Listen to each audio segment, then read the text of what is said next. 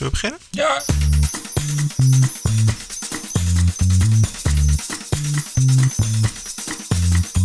This is the TPO podcast. Ranting and Reason. With Bert Brusson and Roderick Phalo.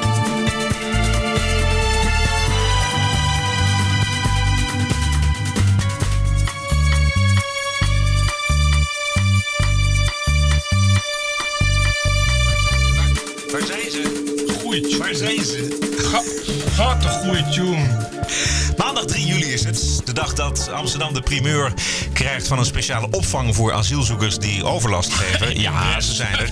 Verder de laatste tweets van Trump. U hoort eh, twee atheïstische Irakezen met een belangrijke boodschap voor Europa. En wat er verder nogal ter tafel komt. Dit is aflevering 22. This is the TPO podcast. Ja, we hebben toch een aantal leuke reacties weer op de podcast nummer 21 van vorige week, Bert. Ehm, dit is er eentje weer genoten van de podcast. Mooie quotes en een fris nieuw intro. Toen ik jullie gesprek hoorde over CNN en MSNBC... schoot bij mij te binnen dat er eigenlijk binnen de media... nog zo weinig tot geen aandacht Oh ja. is besteed aan de, de verborgen onderzoeksjournalistiek van Project Veritas. Daar Wat zat ik dat? van de week naar te kijken. Dat is die die, eh, die, die het fake nieuws van CNN hebben, we- hebben ontmaskerd. Ja. Dus dat, eh, dat die man bij een verborgen camera sting operation, eh, dat die producer die dan zegt van ja, dat van Rusland, dat is eigenlijk, vinden we eigenlijk ook allemaal gelul, maar dat is belangrijk voor de kijkcijfers. En dat Project Veritas, daar zit een, een, een, dus een, een soort rechtsconservatieve gast zit daarachter. Eh, en die doet die onderzoeken. Maar nou zag ik op zijn site dat hij inderdaad, hij heeft jaren geleden al, heeft hij stagiairs bij CNN uitgerust met verborgen camera's en verborgen microfoons. En de hele eh, eh, rits opgenomen. En wat eruit komt, dat is echt ongelooflijk. Hij zegt dan wel zo van ja. Dit is al wel jaren geleden, maar dat zegt misschien hooguit iets dat het nu alleen nu nog erger is. Maar dan, daar, ik- hij had een liet een paar quotes horen, dat zat op hun site. Ja, dat is echt de, de, de, eh, arrogantie van, eh, van de journalistieke macht die je verwacht en zo. Echt inderdaad, mensen die zijn geïnterviewd worden nagedaan en uitgelachen. En er wordt inderdaad gezegd van ja, wij zijn niet alleen journalisten, maar we maken ook, eh, we moeten ook problemen laten zien, zodat we de wereld beter kunnen maken. En er wordt inderdaad gezegd ook over Fox News, en dat zijn dan wel echt namen. Dat zijn dan mensen aan de top die dat soort dingen zeggen. Inderdaad, van ja, nou ja, Fox News is gewoon geretardeerd, achterlijk nieuws en zo. Daar moeten we tegen optreden. Het is heel, heel ernstig, maar het is, ik vind inderdaad dat het, ja, het wordt natuurlijk een, een beetje buiten de mainstream media gehouden in Nederland. Maar ik vind ook een beetje, dat heeft ook te maken dat het ontzettend Amerikaans is. Het is ook vooral echt zo'n zo'n YouTuber eh, die dat allemaal doet.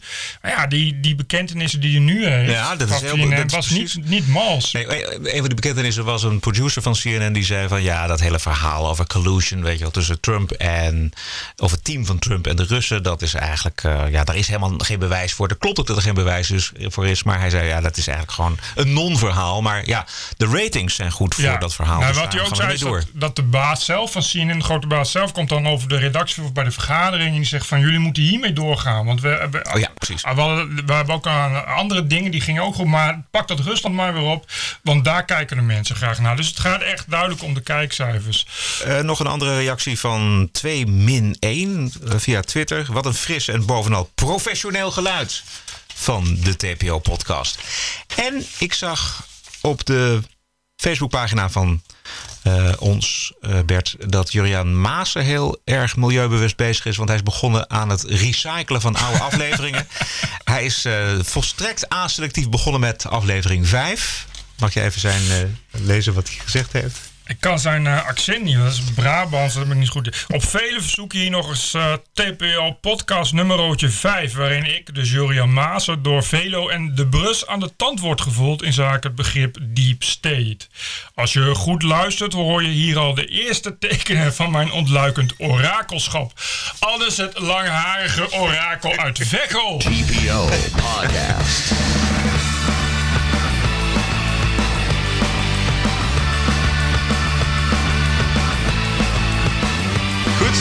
Ranting and Reason. Vandaag werd bekend dat Amsterdam-West een aparte opvang krijgt voor overlastgevende asielzoekers. De NOS spreekt van een primeur. Extra eh, beveiligd deze opvang. Daar kunnen ook criminele asielzoekers komen te zitten... waar de Telegraaf het afgelopen week over had. En de berichtgeving van de Telegraaf... waar eh, overigens ook onmiddellijk ophef over ontstond. Volgens hoofdredacteur George Freulich van BNR... was de Telegraaf tendentieus. Heel veel tendentieuze dingen. Om, om drie uur s'nachts uh, gaan de asielzoekers uh, naar buiten. Nou, dat is toch raar? Nee. Die is mensen, dat niet raar? Nee, dat is niet raar. Dat vind ik wel raar. Die mensen die hebben allemaal schoonmaakfuncties. Je ik vind echt dat je hier een aparte jingle voor moet raken. Gewoon elke week. Nee, dat is niet raar. Want die mensen hebben allemaal schoonmaakfuncties. Mensen, luister dan goed naar de wijze woorden van George Freudig. Als je s'nachts om drie uur asielzoekers buiten ziet. Dat zijn schoonmakers. Schoonmakers. Nee. asielzoekers zijn echt. Uh, de, de staanders onder onze samenleving. Als u slaapt, maken zij het land schoon, beste mensen. Ja, en daarmee uit.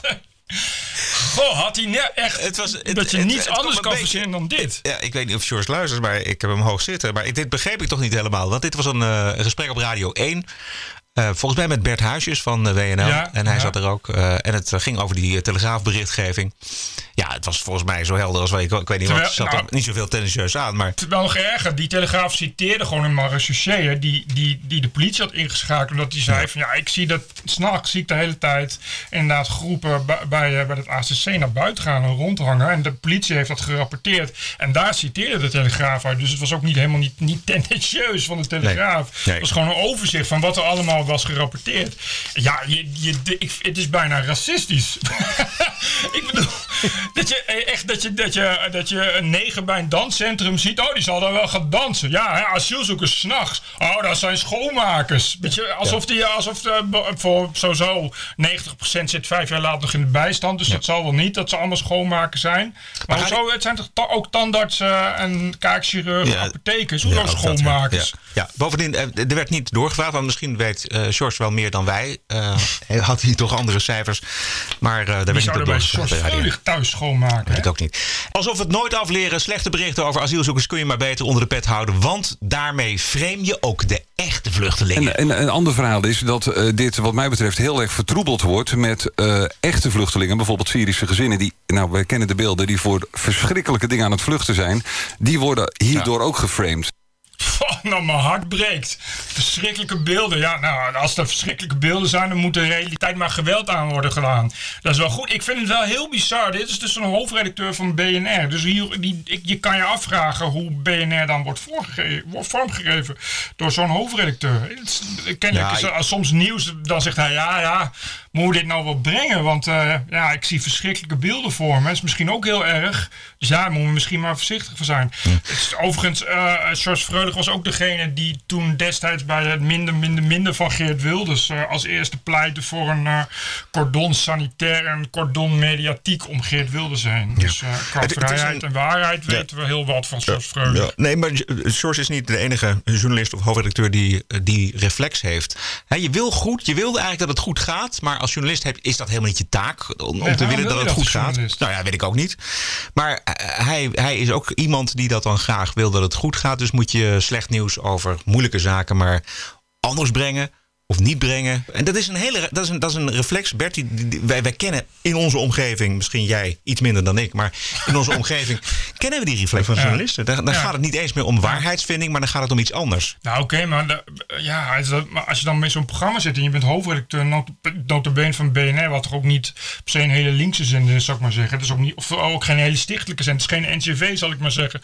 Weet je, als je daar in zo'n programma zit bij de Radio 1, dan zeg je toch dat soort dingen niet. Maar zo gebeurt het ook, weet je, begrijp ik. Ik heb wel meer mensen die ook in de economische journalistiek zitten. Die zeggen, ja, nou ja, kijk, dat medium eh, wil liever toch nog maar weer eens een keer eh, brengen dat er ergens een bankier een te hoge bonus heeft, dan dat er inderdaad serieus nieuws over eh, nou ja, de bank in Italië, ik noem maar wat, Ja. wordt geplaatst. Dat is natuurlijk ja, problematisch door de hele linie sowieso. Maar goed, dat, dat kan dan nog een afweging zijn van nou, dat klinkt misschien lekkerder een, een, bonusverhaal dan een ingewikkeld verhaal. Het zoveelste ingewikkelde verhaal over Eens, Italiaanse banken. eens, eens. Maar, dit, maar dit gaat dan over dat je de werkelijkheid eigenlijk geweld wil aandoen, omdat je, omdat je een andere werkelijkheid wil. Nou ja, ook ten koste van wat? De, de, Ja. de, de vraag moet Maar dan zijn... dat, dat, als journalist moet je dat gewoon niet willen. Nee, dat ben ik helemaal met je eens. Maar ik, het rare is ook dat hij wel, als hij, als hij om drie uur s'nachts asielzoekers buiten ziet, denkt hij dat zijn schoonmakers. Maar als hij dan Syrische gezinnen ziet in een bootje, komt ook niet bij hem de vraag op. Zouden daar misschien ook mensen tussen zitten die eh, wel voorwenden dat ze vluchteling zijn, maar misschien wel oorlogsmisdadiger zijn. Of misschien inderdaad wel criminelen. Weet je, het is, het is echt enorm zwart-wit. Het is een beetje een uitzending eh, waar eh, veel immigratie in voorkomt. En immigranten en asielzoekers. Zometeen ook nog het hoofdredactioneel commentaar van NRC Handelsblad daarover. Eerst Donald Trump. Ranting and Reason. TPO Podcast. Media deze week weer op de achterste benen voor de tweets van Donald Trump. Hij retweet door een ander in elkaar geknutseld filmpje. En daarin gaat Trump het gevecht aan met het CNN-logo en wint trouwens. En daarvoor eh, heeft hij getweet een, eh, een tweet over een eh, anchor. Dus een eh, presentator van eh, MSNBC, Mika Brzezinski. eh, dat ze bloedend eh, van een facelift bij het eh, oud en nieuw voor zijn deur heeft gestaan. Onsmakelijk voor woorden. Eh, dit was de reactie van Mika Brzezinski en haar co-host en vriend Joe Scarborough. When you're getting emails and calls and texts from people across the world saying, We stand by you, Morning Joe, uh, the Republic of Morning Joe. Um, we stand with Mika. but they say, We stand by you, we stand by Mika, we stand by the show. This is shocking. We, we don't even know how to respond to this as a country. We don't know how to deal with this guy. This guy, dat is de president van de Verenigde Ja. Staten, Donald Trump dan. Ja. Heb je het een beetje gevolgd? Ja, ik heb het gevolgd. Eh, ik vind het allemaal ontzettend grappig. En eh, die, die eerste tweet dacht ik wel een beetje van ja, wel heel veel ophef. Ik bedoel, eh, hij zegt ook iets eh, waar hij misschien ook wel weer een puntje heeft. Hè? Dat die mensen inderdaad destijds wilden, wat was het, wel in zijn zomerhuis komen. En nu, eh, weet je, goed, dus, er zijn twee mensen schuldig. En die andere partij doet dan alsof een neus bloedt. En denkt van ja, ja, ja, schokkende dingen op Twitter. Het zal dus niet en zo. Misschien, ik vind het ook wel iets grappigs. Maar ik vind wel eh, tegelijkertijd. ah, het wordt wel een beetje obsessief. en het is Van wel, beide kanten. Ja, nee, vooral, ik bedoel nu van Trump. Ja. Zoals met CNN. Weet je, het was wel duidelijk. En dat, dat, is, dat vind ik ook het mooie ervan. Is dat mensen dat ook vanzelf zien. Ik bedoel, de fouten die CNN maakt, die worden vrij duidelijk. Dat is bij de Washington Post ook zo. Ah, hij, ik denk wel een beetje dat van ja, je kan de pers ook gewoon met rust laten. Je kan ook, je kan ook zeggen dus eh, wat hij verder, wat, wat verder prima doet. En dan kun je ook terecht zeggen. eh, ik baal van de pers en ik vind dat er heel veel fake nieuws tussen zit. En ik vind dat jullie een hele een verkeerde richting uitgaat. En biased en weet ik veel wat. Dat is allemaal, allemaal best oké. Eh, maar dan moet je het verder ook met rust laten. Wat, wat hij nu doet lijkt, begint een beetje te lijken op inderdaad dat er eh, dit nog voor het landsbelang gaat. Precies. Als ik wakker word, ga ik eerst even de pers lastigvallen. En dan ga ik me met mijn taken bezighouden. En ik begrijp wel een beetje dat de pers dan zegt van ja, eh, het, is, het wordt een beetje eng als je zo'n zo'n zo'n president hebt. Dat is natuurlijk wel heel machtig. En ja, het is een beetje de vraag welke kant het dan opgaat als je openlijk de pers zou haten. Misschien moet je de pers ook niet zo openlijk haten. Misschien moet je de pers in de eerste plaats blijven zijn. Hè. Dat is, eh, kijk, dat fake nieuws, dat heeft hij goed en zo. Dat moet je ook zeggen. En eh, nou, hij mag het ook twitteren. Ik vind dat gelul over dat de president niet mag twitteren. Hij doet het ook niet op zijn POTUS-account, maar op zijn eh, de real Donald Trump, waar hij al jaren twittert en zo. Dus het is ook een beetje een, twee personen. Hè. Het is natuurlijk een beetje de Privé, acteur, de acteur Ja. president en, en, en Donald Trump, wie die werkelijk is, namelijk een opgefokt mannetje. Ja, goed, prima. Maar je, je kan ook zeggen, je kan ook zeggen, ik vind die pers kut. Maar weet je, ik ben blij dat er persvrijheid is. Want in andere landen, weet je, ik bedoel, het is Amerika, het is land of freedom. Weet je, je bent baas van de vrije wereld. Dan moet je juist blij zijn dat er zoveel, ook zoveel pers is. En ook zoveel pluriforme pers. En dat vind ik ook dat hij, weet je, eh, precies hetzelfde als bij accreditatie intrekken van bepaalde media. en Zo denk ik van ja, ik vind het prima dat zoals laatst zei van ik ga, ik doe, ik doe, eh, eh, ik vertel mensen iets bij bijeenkomsten en dan laat ik helemaal geen pers toe. Dat is je eigen keuze. Dan moeten mensen ook niet meteen gaan huilen. huilen. Dat, je kan natuurlijk zeggen hoe transparant moet een president zijn. Maar goed, als je, je kan ook zeggen ik wil geen pers en helemaal geen pers. Maar ja, weet je, alleen eh, de Washington Post en CNN weigeren en, en, en eh, eh, eh, eh, en wel eh Infowars en uh, Breitbart een perskaart geven. ja, dat nee. is natuurlijk niet, Nee. niet oké. want je moet het wel fair spelen. Dus als je president, je moet je wel bewust zijn van, van Ja. de positie. Ja. Maar eh, al met al vind ik het ontzettend, ontzettend grappig. Ja, dat vindt uh, Ann Coulter ook. I love the tweets. And yesterday's tweet was fantastic. Even my friends who disagree with me on whether the president should tweet were all calling yesterday saying, okay, you're right. After the Mika tweet, he's got to keep tweeting. Tweeting. It was fantastic. Ja, ja als En Colter. Ja. Als zij het geweldig vindt. fantastisch nou, vindt, dan houdt moet hij een beetje op, oppassen. Ja, precies. Ja, je exact. bijna niet Exact. meer, eh, Nee, maar waar, kijk, waar het, waar het natuurlijk om gaat, even los van de inhoud, de echte inhoud, namelijk of er eh, collusion is, eh, bedoel, Mhm. of er fake news is, dat soort zaken. Maar eh, de, de, de loopgraven zijn zo diep en er wordt zo hard gevochten tussen enerzijds Donald Trump als president en anderzijds natuurlijk de media, CNN en MSNBC Ja. in het bijzonder, dat het, het, het, het is. Het voelt ongemakkelijk. Ik, Ja, vind, ik vind het ongemakkelijk voelen, Bert. En, en ik, ik eh, zag op eh, Fox eh, Tucker Carlson en die vatten het eigenlijk heel goed samen. The president was not elected to pick fights with TV hosts. He was elected because he promised an agenda the country actually needs, but nobody else but him was offering.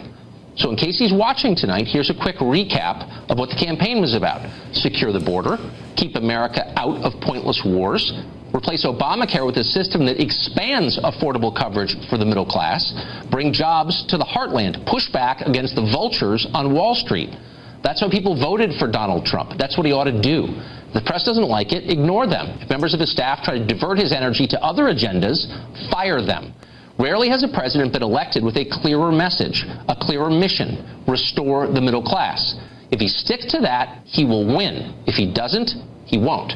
Nou ja, eens. Totaal, 100%. Nou ja, precies. Weet je, wat hij zegt, negeer die pers gewoon. Weet je, je la- laat ze gewoon toe. En weet je, je, je laat gewoon CNN toe en laat eh, Washington Post toe. En geef ze alle openheid, ook die je aan de rest van de pers geeft. En, je, en eh, ik vind helemaal niet, weet je, dat is ook, dat is ook zoiets. Je mag best, eh, wat mij betreft, mag president, president inderdaad best een beetje meer Boris Johnson zijn of, of dus Trump. Je mag best tegen die journalisten zeggen, ik vind je een klootzak. Ik vind het, eh, weet je, het is jammer dat je hier bent, maar je hoort hier te zijn, want je bent ook pers. Maar verder vind ik je een lul. Dat hoef, je hoeft helemaal niet eh, te doen, weet je, alsof en zo. Maar negeer ze en zo. Je hoeft niet voortdurend munitie in de handen van die journalisten. nou ja, maar ga dan, ja, wat, hij zegt, eh, ga gewoon aan je werk. Yes. Doe dat. Aan de slag, Donald Ja, Trump. nou ja, ja. Zou die luisteren? Zeker, ik heb gehoord een groot fan is. Dat is sinds Julian Maas hier is geweest. Nee, ik heb eh, op Netflix staat een, eh, een goede docu over, eh, over de Gawker-zaak. Die website Gawker die is failliet gegaan omdat Hulk Hogan... Die, er stond een sekstape op van Hulk Hogan. Die heeft een rechtszaak aangespannen, schadevergoeding. En in Amerika krijg je dan meteen 300 miljoen dollar schadevergoeding. En dat kon ze uiteraard niet betalen, dus zijn ze failliet. In elk geval die uitgever persoonlijk en die hoofdredacteur ook persoonlijk. En de site Gawker. En er zijn nog andere onderdelen die worden dan verkocht. Ehm dat blijkt eh, gefinancierd te zijn door een, eh, eh, een, Silicon Valley miljardair. Dat is ook een goede vriend van Trump. Dat is een, een ultra-republikein. Dat is een, een, hoe ze- hoe zeg je, een libertariër ook. En Ja. zo, die, Kleine staat. en die heeft, zeven jaar geleden, heeft, heeft Gork iets geschreven over zijn homoseksualiteit in Silicon Valley. Eh, nou, hij wilde nog niet uit de kast komen. En dankzij Gorker was hij dat opeens wel.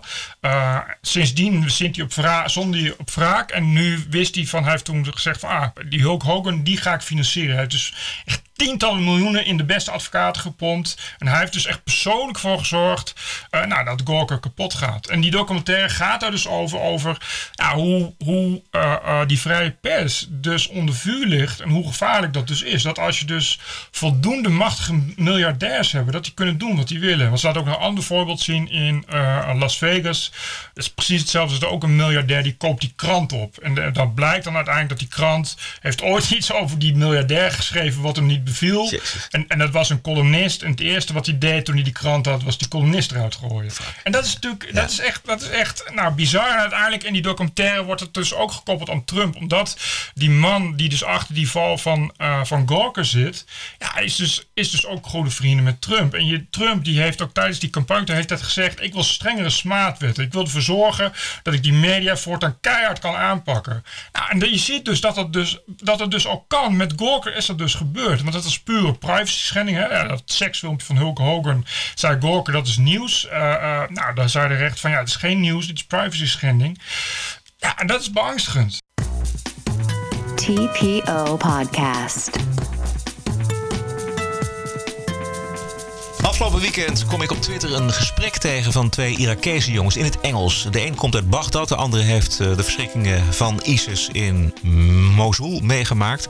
En zij houden allebei van heavy metal muziek. Daar gaat het gesprek niet over. Het gesprek gaat over immigratie naar Europa en de blinde vlek die Europese politici hebben voor de radicale islam als ideologie. Het hele gesprek duurt een uur. Dat is veel te lang voor deze podcast. Maar luister naar de laatste drie minuten van dat gesprek. De jongen die de vragen stelt is Hashim Al-Madani. the last question, Yeah. and this is very important for the Westerners as they are suffering from that. Uh, you lived in Mosul, uh, you suffered and see ISIS by your eyes, you know.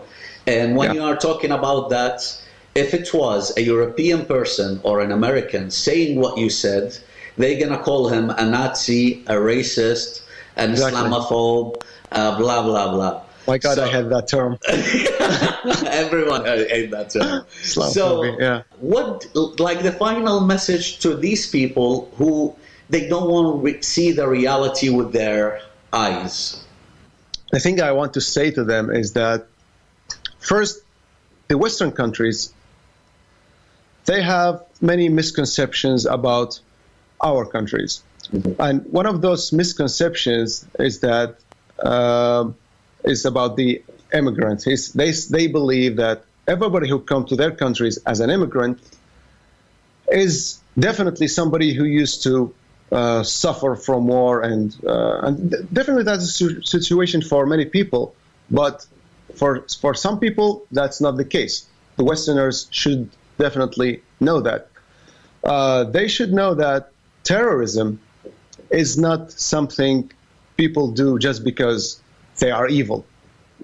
No, I mean in some cases it can happen Yeah. on, on, an individual level, but uh, but in this situation, it's definitely not an individual act. It's an ideology. People who come claiming uh, they want to establish Sharia, those people have a very old ideology that is not that wasn't just formed by the uh, with the with the formation of ISIS. It's a very old ideology. It's a dangerous ideology uh, the European countries should definitely consider uh, those people who are entering Europe.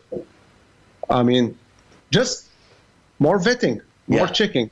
Yeah. I'm not saying I'm not I'm not telling them to to block immigration because definitely there's a lot of people who need that, but they just have to be way way more careful because if they don't do this, um, they're gonna they're gonna regret it later. Yeah. Simple as that.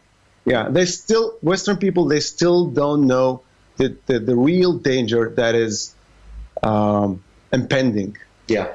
It's just like me. It's just like you are with the tuning on FM and they are on AM. Like you, can't Exactly. imagine it. You know. Exactly. And saying things like that, by saying things like that, I'm not being inhuman. Yeah. I'm not telling you to to block immigration. No, I'm just saying this for your own sake because um, I mean I come from a background where I know those people. I know their their ideology. I know how they think, and I know that it's it's the good thing for you to do to keep your country safe is to be more careful about those people. Double check them. Double check them. Dit zijn dus twee Iraakse jongens eh, die Europa waarschuwen. Eh, kijk uit, want het Midden-Oosten heeft behoorlijk wat moslim-extremisten. En die komen ook gewoon naar Europa toe. Dus betere checking. En eh, niet te naïef. Ja, goed verhaal. Geef ze een Ja. grote podium, zou ik zeggen. Maar then again, hoe vaak hebben we dat dan niet gehoord? Ik bedoel, eh, volgens mij is het praten tegen dovenmans oren. Ja, dat is inderdaad het probleem. Want, Maar dat zegt hij ook. Hè? Het is AM en FM, Ja. twee verschillende frequenties. Wij noem, op, op internet noem je dat de rode en de blauwe pil. Dat is Ja. analogie van, eh, van, eh, van de Matrix. Matrix. Ja. Het is of de waarheid zien of, of in je, Ja.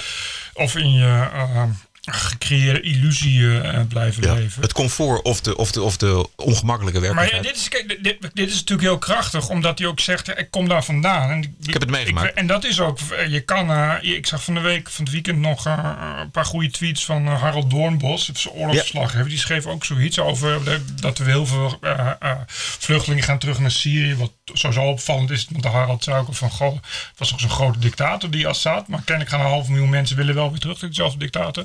Nou ja, ook dus inderdaad over in, Europa ineens is een gedeelte dat wel terug, eh, wat wel blijft. En er zitten heel veel eh, uit veilige landen die inderdaad niet terug willen. Precies, zijn verhaal was, eh, als je opvangt in de regio, de mensen die opgevangen zijn in de regio, Ja, die gaan precies. terug en die willen hun land weer verder opbouwen. Maar de mensen die je naar Europa haalt, ja, die, die, die, de kans dat die nog teruggaan, dat is heel, heel Maar klein. dat soort mensen, Doornbos of en Arnold Karskens net zo, en je kan ze eigenlijk allemaal, dat is allemaal, als je daar geweest bent en als je er vaak komt, dan weet je dus hoe, de, hoe veel ingewikkelder dat in elkaar steekt en hoe inderdaad het, dat salafisme en het wahhabisme. Hè, en, en, Maar- en, en daarmee komen we dus op de vraag die jij al eerder stelde: van hoe kan het toch dat er zoveel kennis is over eh, de gang van zaken daar en dat die politici in Europa maar niet willen? Ben bang dat je daar eh, een psychiater, een psychiater voor nodig hebt. Ja. Ik bedoel, natuurlijk, dat is dus inderdaad cognitieve dissonantie. En Dat is, ik denk ook niet dat die eh, mensen dat niet, niet, niet weten, of, maar er niet bewust niet willen. Ik vind echt, eh, daar komen we zo nog op dat NSC over redactioneel, maar dat, gaat dus, eh, over, dat ging dus over, over mensen als Karskens en zo, die, die, die propageren van je moet eh, ophouden met, je moet gewoon die, die, die zee moet je gewoon afsluiten. Je moet mensen niet meer redden, die NGO's en die artsen zonder grenzen die de hele tijd drenkelingen voor de kust oppikken, die moeten weg. En zo, dan is het vanzelf, dan is het snel afgelopen. Want dat hebben we bewezen. Australië doet dat, Australië heeft dat gedaan.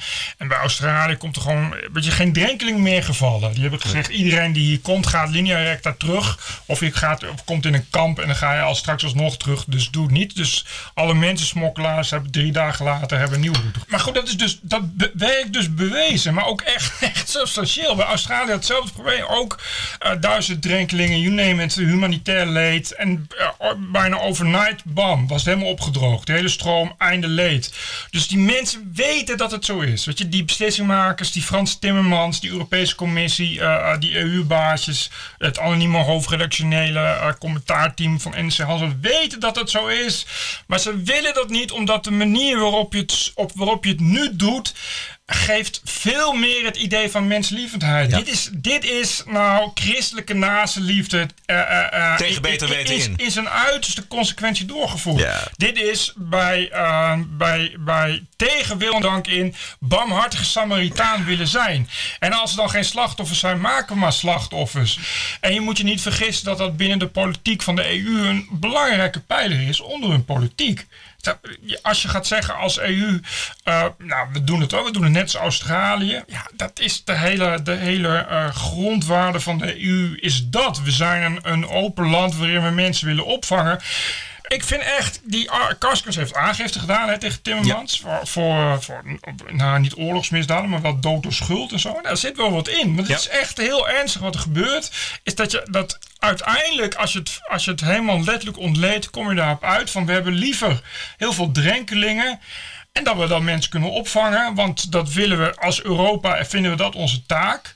Dan we helemaal geen drenkelingen meer hebben. Wielkomen, dat is de kern van het Nieuwe Testament. Dat is ondanks het feit dat ik ga lijden, dat ik daarvoor aan een kruis moet hangen, dat ik daar heel veel pijn moet hebben en zo. Ik ben er op aarde gezet juist om dat voor jou allemaal op te nemen. Dus ik heb hier een fantastisch werkende maatschappij, een fantastisch Europa. En die laat ik desnoods voor jou ten gronde richten, omdat ik me wil offeren voor jou. Ik wil mijn land. De andere wang. Wil ik, ja, wil ik, ja, de andere ja. Maar dat is, niet, dat, is, dat is iets wat heel diep zit. Hè? Het is dus een christelijk probleem, maar eh, omdat wij al zo lang tussen al- zoveel christenen wonen, namelijk al bijna 2000 jaar, dus hebben we dat probleem met z'n allen. christelijk cultureel probleem. Dat is een christelijke cultuur. Dat gaan- zijn de mooie, hè, befaamde christelijke, joods-christelijke normen en waarden. Is, is dit. Dus, maar dat gaan we dus niet oplossen. Nou, zolang, ja, het, is, het is echt heel simpel. Zolang je inderdaad eh, die mensen daar voor de kust blijft oppikken en gaat zeggen dat ze vooral hierheen mogen komen en dat je daar alles aan wil doen om dat te faciliteren, ga je dat niet oplossen. Nee. Dat is echt, ik geloof dat Tusk, die heeft nu, eh, heeft die, eh, gaat zeggen ja, we gaan smokkelaars gaan we op de zwarte lijst zetten. Oh ja. Ja. En, wat, en het is bijna, het is bijna Jiskevet als je het leest. Dan lees je dus een bericht eh, dat hij het daar dus over gaat hebben. Dat daar dus over de gesprekken over beginnen. Dan weet je dat er dus nog een jaar lang gesprekken daarover zijn. En dan staat er nog steeds niemand op de zwarte lijst. Maar dan zijn er al gesprekken gevoerd Nee. over de volgende gesprekken die daarna komen. En daarna de evaluatie van de gesprekken. En dan weet je, je weet dat daar een, een, eh, een soort bureaucratisch monster helemaal niets mee gebeurt. This is the TPO podcast. Tot slot, het NRC hoofdredactioneel heeft nogal wat eh, voet in de aarde gehad. Afgelopen Nou, zaterdag mij. was het, ja, vooral bij jou. Waarom eigenlijk bij jou, Bert? Nou, omdat eh, eh, dat, eh, dat hoofdredactioneel NSC, daar, is, dat is al, al, al tien jaar dat, ik, dat ik hier online werk, is dat er zo. Die schrijven echt soms de meest verschrikkelijke dingen. Dat is natuurlijk al begonnen bij de dag voor de moord op Pim Fortuyn. Dat Volker Jensma vond dat Pim Fortuyn uit onze maatschappij verwijderd moet worden, omdat we de xenofoben van ons lijf moeten houden. Eh, kennelijk vond uh, Volkers van de Graaf, zag zich mede daardoor nog extra gesterkt na, la, na jarenlange, en, eh, een jarenlange demonisering door NPO en kranten als Volkskrant en NRC, inclusief een columniste. En misschien was het wel de druppel voor Volkert, wie weet, om de trekker over te halen. Je zou dan denken dat daar, eh, want Volker Jensma zit nu nog in het anonieme commentaarteam. Je zou toch denken dat dat soort mensen daarna 15 jaar later daarvan hebben geleerd. Maar dat is dus niet zo. En dat is dus heel treurig. Dat eh, anonieme commentaar gaat maar door met demoniseren. En het is echt, ja, het loopt soms echt de spuigaten uit. In de NRC-code hebben wij opgeschreven wat we doen, waarom we het doen en hoe we het doen. En in die zin is die code eigenlijk een soort bijbel van wat deze redactie eh, wil doen. Je kan op twintig verschillende manieren naar journalistiek doen. Wij doen het op een bepaalde manier. Bijbel, toch weer. eh, toch weer het was ook een rood boekje. Er is ook een filmpje van. Het is een rood boekje. Ja, Heel Peter van der Meers, hoofdredacteur van NRC Handelsblad. Ah, wat, wat, wat, wat ging er mis afgelopen zaterdag met dat hoofdredactioneel? Nou, kijk, ze riepen, In de op, kern. ze riepen op tot verzet ten eerste. En eh, als je dat doet, en je doet dat als een hoofdredactioneel, zeker met het verleden van NSC Handelsblad, met het oproepen in anonieme hoofdredactionele commentaren, eh, moet je er wel expliciet bij zetten dat je tegen geweld bent. Zelfs Wilders doet dat elke keer. Die zegt altijd democratisch verzet en eh, geen geweld. Eh, maar wat er echt mis was, was dat ze ehm, eh, niet de mensen de, bij namen durf- durfden te noemen, maar wel zulke duidelijke voor, voorbeelden gaven dat iedereen wist over wie het ging. Ze noemden echt ook, ze, schreven in het beleid van vluchtelingen past geen, passen geen cynische opmerkingen over dobbernegers. En dat gaat over Annabel Nanninga. En daar stond dus gewoon Annabel Nanninga. Daar moeten we ons Zij tegen heeft dat verzetten. woord bedacht. Zij heeft het woord bedacht, heeft er nu nog elke dag last van. Dat terwijl elke week in NSC Joep van het Hek iedereen helemaal stijf scheldt en vloekt. Nog nooit een anoniem commentaar over gelezen in NSC Handelsblad. Dus laten we het niet over de hypocrisie en tonnen boter op het hoofd hebben van eh, die Jensmaatjes en eh, Joyce Rooknatjes. En verder eh, ja, werd, werd omvolking werd genoemd. Dat mag ook niet van NSC. Omvolking, dat is maar één, dat is Thierry Baudet. En het ging over de islamisering. Daar mag je het ook niet over hebben van, eh, van het anonieme hoofdredactioneel commentaar. En dat is natuurlijk Geert Wilders. Dus er stond eigenlijk verzet u tegen Geert Wilders, Thierry Baudet en Annabel Nanninga. En als je dat doet met het verleden van NSC, vind ik dat dus niet oké. Dan moet je zeggen, ja, verzet u. eh er zijn meerdere manieren, maar dat stond er niet. Weet je, eh, zoals je het las, ook de manier waarop die agressie er afspatte, was ook echt, eh trek de guillotines maar, guillotines maar weer uit het vet, want dit kan echt niet meer. Het kan natuurlijk zijn dat NRC, dat zegt Van der Meers ook, wij vinden iets. Wij doen het op onze manier, de journalistiek. Dus wij vinden eigenlijk dat we een veel ruimer en ruimhartiger immigratiebeleid moeten voeren. Dat oké. eh, dat, dat mogen ze vinden. En daarin ehm, vinden wij dat termen als dommerneger en, en omvolking en, en niet thuis hoort. Dat kan ook, maar dan zeg je dus niet, eh, je moet je daar tegen verzetten. Dat is, dat is als echt een oproep tot verzet. En het is op zijn minst haatzaaierij. Als je het ook leest, is niemand... daar- Je moet wel heel blind zijn om daarin, in, daarin niet ook echt, echt de, de oproep tot haat te zien. Want dan ga je die mensen ook niet zo heel stiekem op een gelikte manier... zodat het juridisch allemaal wel kan, niet bij namen noemen... maar dan toch zeggen... Het was echt... Weet je, dat, maar dat, zo gaat het dus de hele tijd. Het wordt een soort hitlistje van... Om deze mensen gaat het. Voor deze mensen moet je oppakken. Dat ze hadden ook gewoon een column kunnen schrijven van... Ja, de afgelopen tijd worden de, eh, zijn er mensen die vinden dat je, eh, eh, dat je het Australische model moet kiezen. Wij van NRC Handelsblad vinden van niet en wel hierom. Dat deden ze niet. Het was echt juist opgetuigd om dan in de laatste twee alinea's nog eens even te kunnen zeggen aan wie zij wel allemaal niet haat. En dat gebeurde dus al 10 jaar, 15 jaar lang elke week in NSC. En ik word daar dood en doodziek van. Wie zijn die mensen? Notabene anoniem. Flikker toch op man met je NSC Handelsblad. Ga lekker je eigen wandelboekjes verkopen. Koop lekker een pakket eh, NSC-wijn. En ga met die hele fucking Lux en Libertas lekker ver weg eh, over de Middellandse Zee naar Syrië. Daar lekker de dobbernegers helpen. Zo. Maar laat de mensen hier in godsnaam toch eens met rust. Is het niet 23? Maar toch? Nee, of 22. Nee, ja, 22. Nee, ik, ik zat even te denken. Het is de Aflevering- schuld van Julia Maassen. Die Ja, dan precies, weer met z'n precies, precies. Die komt nu een soort, met een soort Joodse, Joodse jaartelling voor onze afleveringen. Dus die gaat straks. Ah, dit was aflevering 6. Weet je, waardoor wij zitten. Ja, is het nou. waar- weet je, wanneer is het eigenlijk begonnen? Ja. ja, precies. De jaartelling begint bij, eh, bij vijf, bij aflevering 5 Ja, bij Julian. dat is Omdat hij daarin zat. Typisch Vechel. Weet je, altijd maar weer anders. Man, man, man, man. Dit was aflevering 22. Eh, De TPO-podcast is iedere week te vinden via Facebook, Soundcloud, YouTube, iTunes en de TPO-website. Dinsdag beschikbaar, altijd dinsdag beschikbaar. Eh, reageren, lof of laster, graag eh, op onze Facebookpagina. Heb een mooie week. En tot de volgende. Dag. TPO Podcast. Bert Bruson, Roderick Balo, Ranting and Reason. Ik hou ook helemaal niet. Of eh, leuke, leuke gebiekste opmerkingen. Ik ben altijd bloedserieus.